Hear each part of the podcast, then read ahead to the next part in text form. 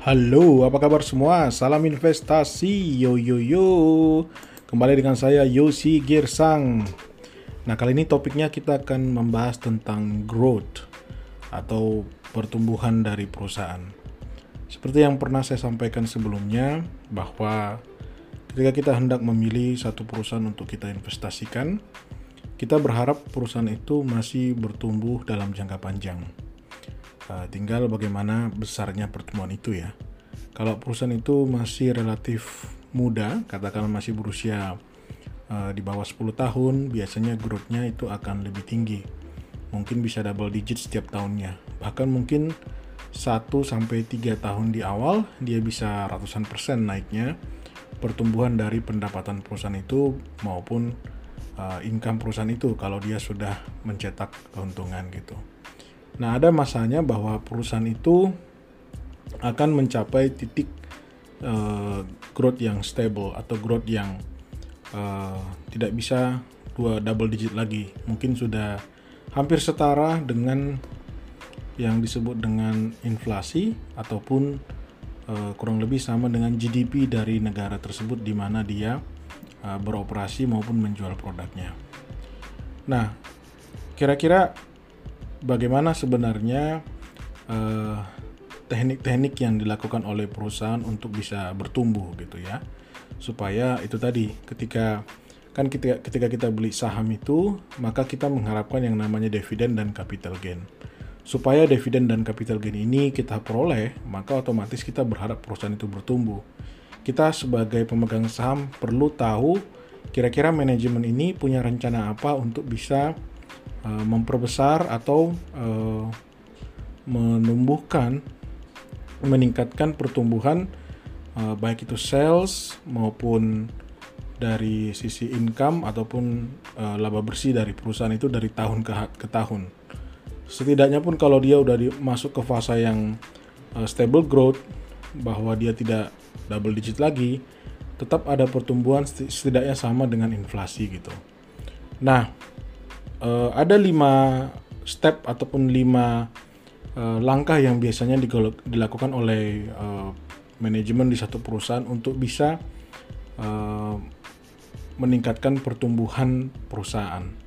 Nah, langkah-langkah ini menurut McKinsey, ya mungkin Anda tahu McKinsey, uh, salah satu konsultan di uh, korporasi ataupun manajemen, di mana mereka mengambil sampel dari perusahaan-perusahaan yang berada di kon, di sektor consumer goods atau barang konsumsi gitu. Nah mereka membandingkan uh, ada lima strategi yang biasanya dipilih oleh perusahaan untuk bisa bertumbuh gitu.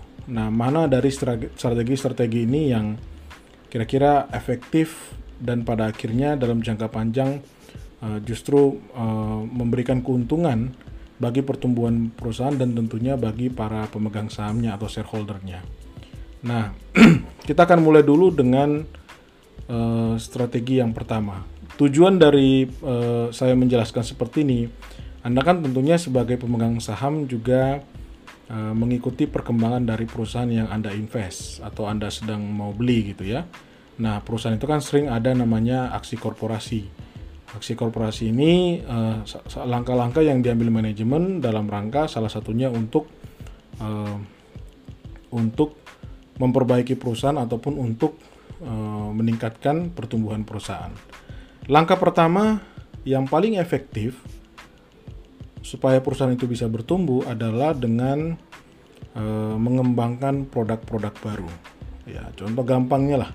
Contoh gampangnya Anda tahu ada Apple ya contohnya mereka punya produk iPhone ataupun iPad dan uh, MacBook gitu ya hampir setiap tahun selalu ada produk baru dengan teknologi yang lebih canggih dengan features yang lebih baik yang membuat customer selalu mau untuk membeli bahkan bisa membeli dengan harga uh, jual per unit yang lebih tinggi sehingga perusahaan memperoleh margin yang lebih tinggi lagi dari tahun ke tahun.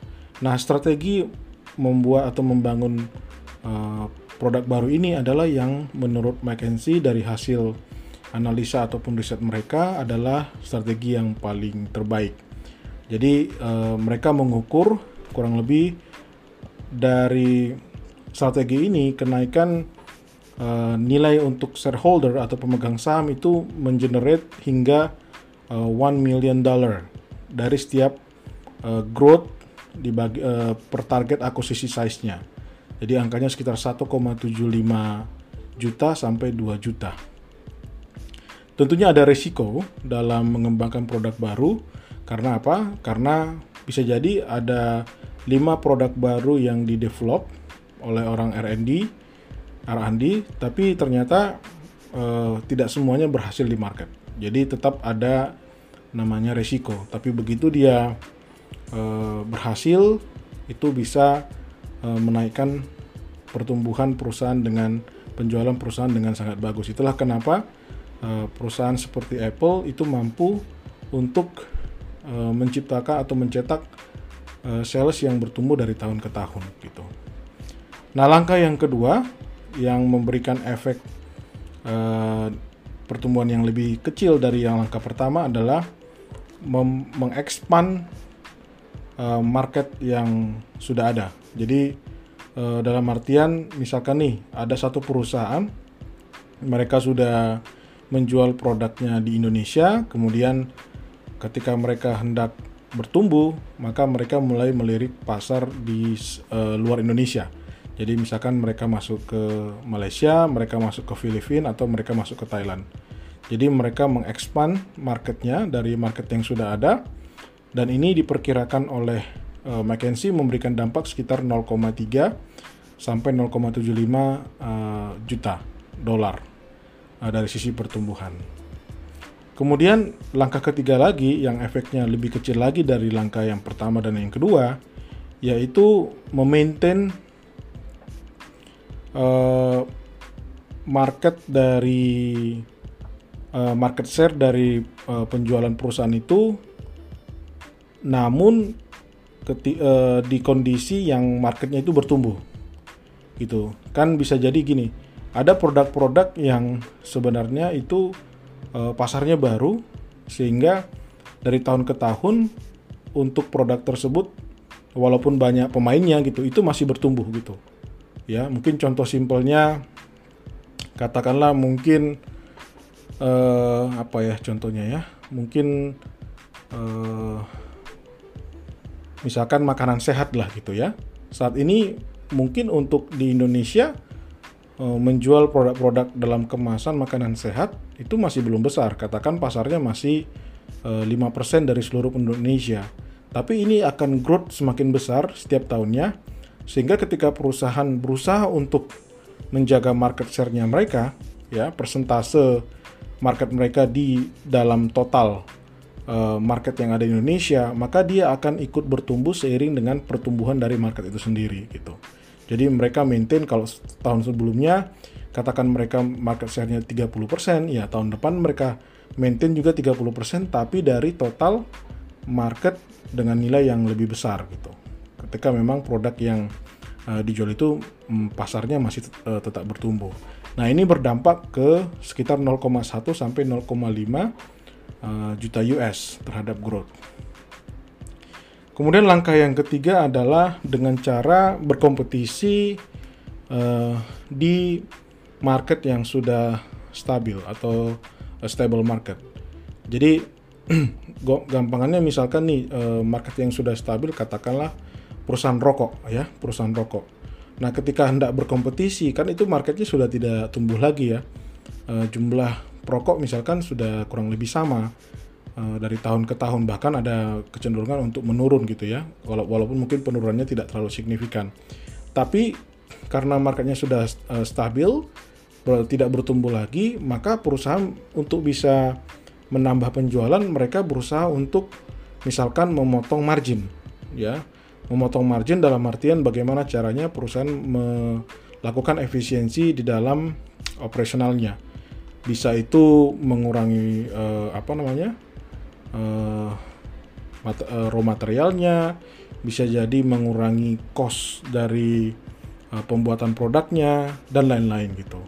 Nah itu ternyata uh, ketika perusahaan mengambil langkah seperti ini, justru itu bahkan bisa berdampak uh, seperti pisau bermata dua ya. Uh, menurut McKinsey itu dampaknya bahkan bisa menyebabkan minus 0,25 juta US sampai ke angka sekitar 0,4 juta US. Jadi udah mulai nih strategi yang keempat ini uh, bisa jadi justru menghilangkan value dari produk yang menyebabkan perusahaan justru bukannya bertumbuh tapi justru malah uh, semakin mengecil. Karena tadi ketika bisa jadi ketika uh, produknya secara value dikurangi maka uh, bukan tidak mungkin uh, customernya justru pada kabur dan pindah ke kompetitor yang lain gitu. Kemudian yang terakhir, metode yang terakhir yang biasanya dilakukan oleh perusahaan untuk bertumbuh adalah akuisisi. Ya, akuisisi dengan cara membeli atau mengambil alih eh, saham dari perusahaan dengan bisa jadi dengan skala yang lebih kecil, ya bisa jadi kompetitor atau mungkin perusahaan yang baru eh, berkembang gitu ya. Jadi karena mereka punya cash daripada mereka mendevelop dari nol lagi untuk berkompetisi dengan satu perusahaan yang mereka anggap akan menjadi uh, bagus atau akan menjadi besar di masa depan, maka mereka mengakuisisi dengan nilai yang uh, fantastis. Jadi contoh simpelnya lah kayak dulu Facebook beli WhatsApp gitu ya. Yang kita ketahui WhatsApp bahkan uh, sampai sekarang belum ada revenue ya. Jadi orang uh, tidak ada iklan di aplikasinya dan bisa jadi ya bisa dibilang itu setelah dibeli uh, bakar duit gitu karena tidak ada cash flow yang dihasilkan dari aplikasi WhatsApp tersebut. Dan menurut McKinsey, eh, strategi yang terakhir ini, akuisisi ini justru itu memberikan dampak paling kecil dibandingkan empat strategi sebelumnya. Ya, jadi dia bisa minus 0,5 juta US sampai hanya paling tinggi 0,2. Nah, ini yang sering sekali kan kita kalau mendengarkan berita-berita perusahaan uh, ketika ada akuisisi market itu justru menilai itu adalah hal yang baik gitu ya. Nah ini kenapa alasan saya menjelaskan teman-teman uh, strategi-strategi yang biasanya diambil oleh perusahaan untuk uh, memperbesar atau me meningkatkan pertumbuhan itu uh, ada lima langkah ini atau lima cara ini. Sorry bukan lima bukan lima langkah tapi lima strategi ini supaya teman-teman ketika nanti misalkan nih mengikuti RUPS atau mungkin Anda ada public expose uh, yang dilakukan oleh manajemen perusahaan, Anda bisa tahu bahwa apakah langkah uh, aksi korporasi yang dilakukan oleh perusahaan untuk meningkatkan pertumbuhan, memperbesar perusahaan itu termasuk langkah yang uh, cenderung memberikan dampak positif terhadap perusahaan atau tidak gitu. Jadi kalau saya summary sekali lagi, langkah yang paling efektif itu adalah mendevelop produk yang baru, itu yang paling besar dampaknya uh, dari survei McKinsey. Kemudian yang kedua adalah memperbesar atau expanding existing market, jadi mereka buka di daerah lain atau di negara lain. Yang ketiga adalah memaintain uh, market share, tapi dalam uh, market yang sedang bertumbuh, growing market.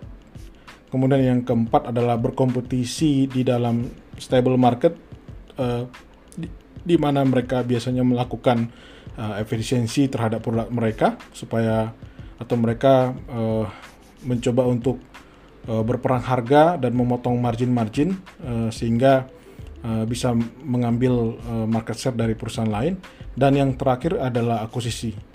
Nah, itu dulu yang bisa saya share. Semoga ini bermanfaat untuk Anda yang saat ini mungkin sedang mempelajari bagaimana uh, perusahaan yang sedang uh, Anda akan beli sahamnya atau Anda sedang pegang sahamnya saat ini. Terima kasih sudah mendengarkan podcast saya. Salam investasi. Yo yo yo.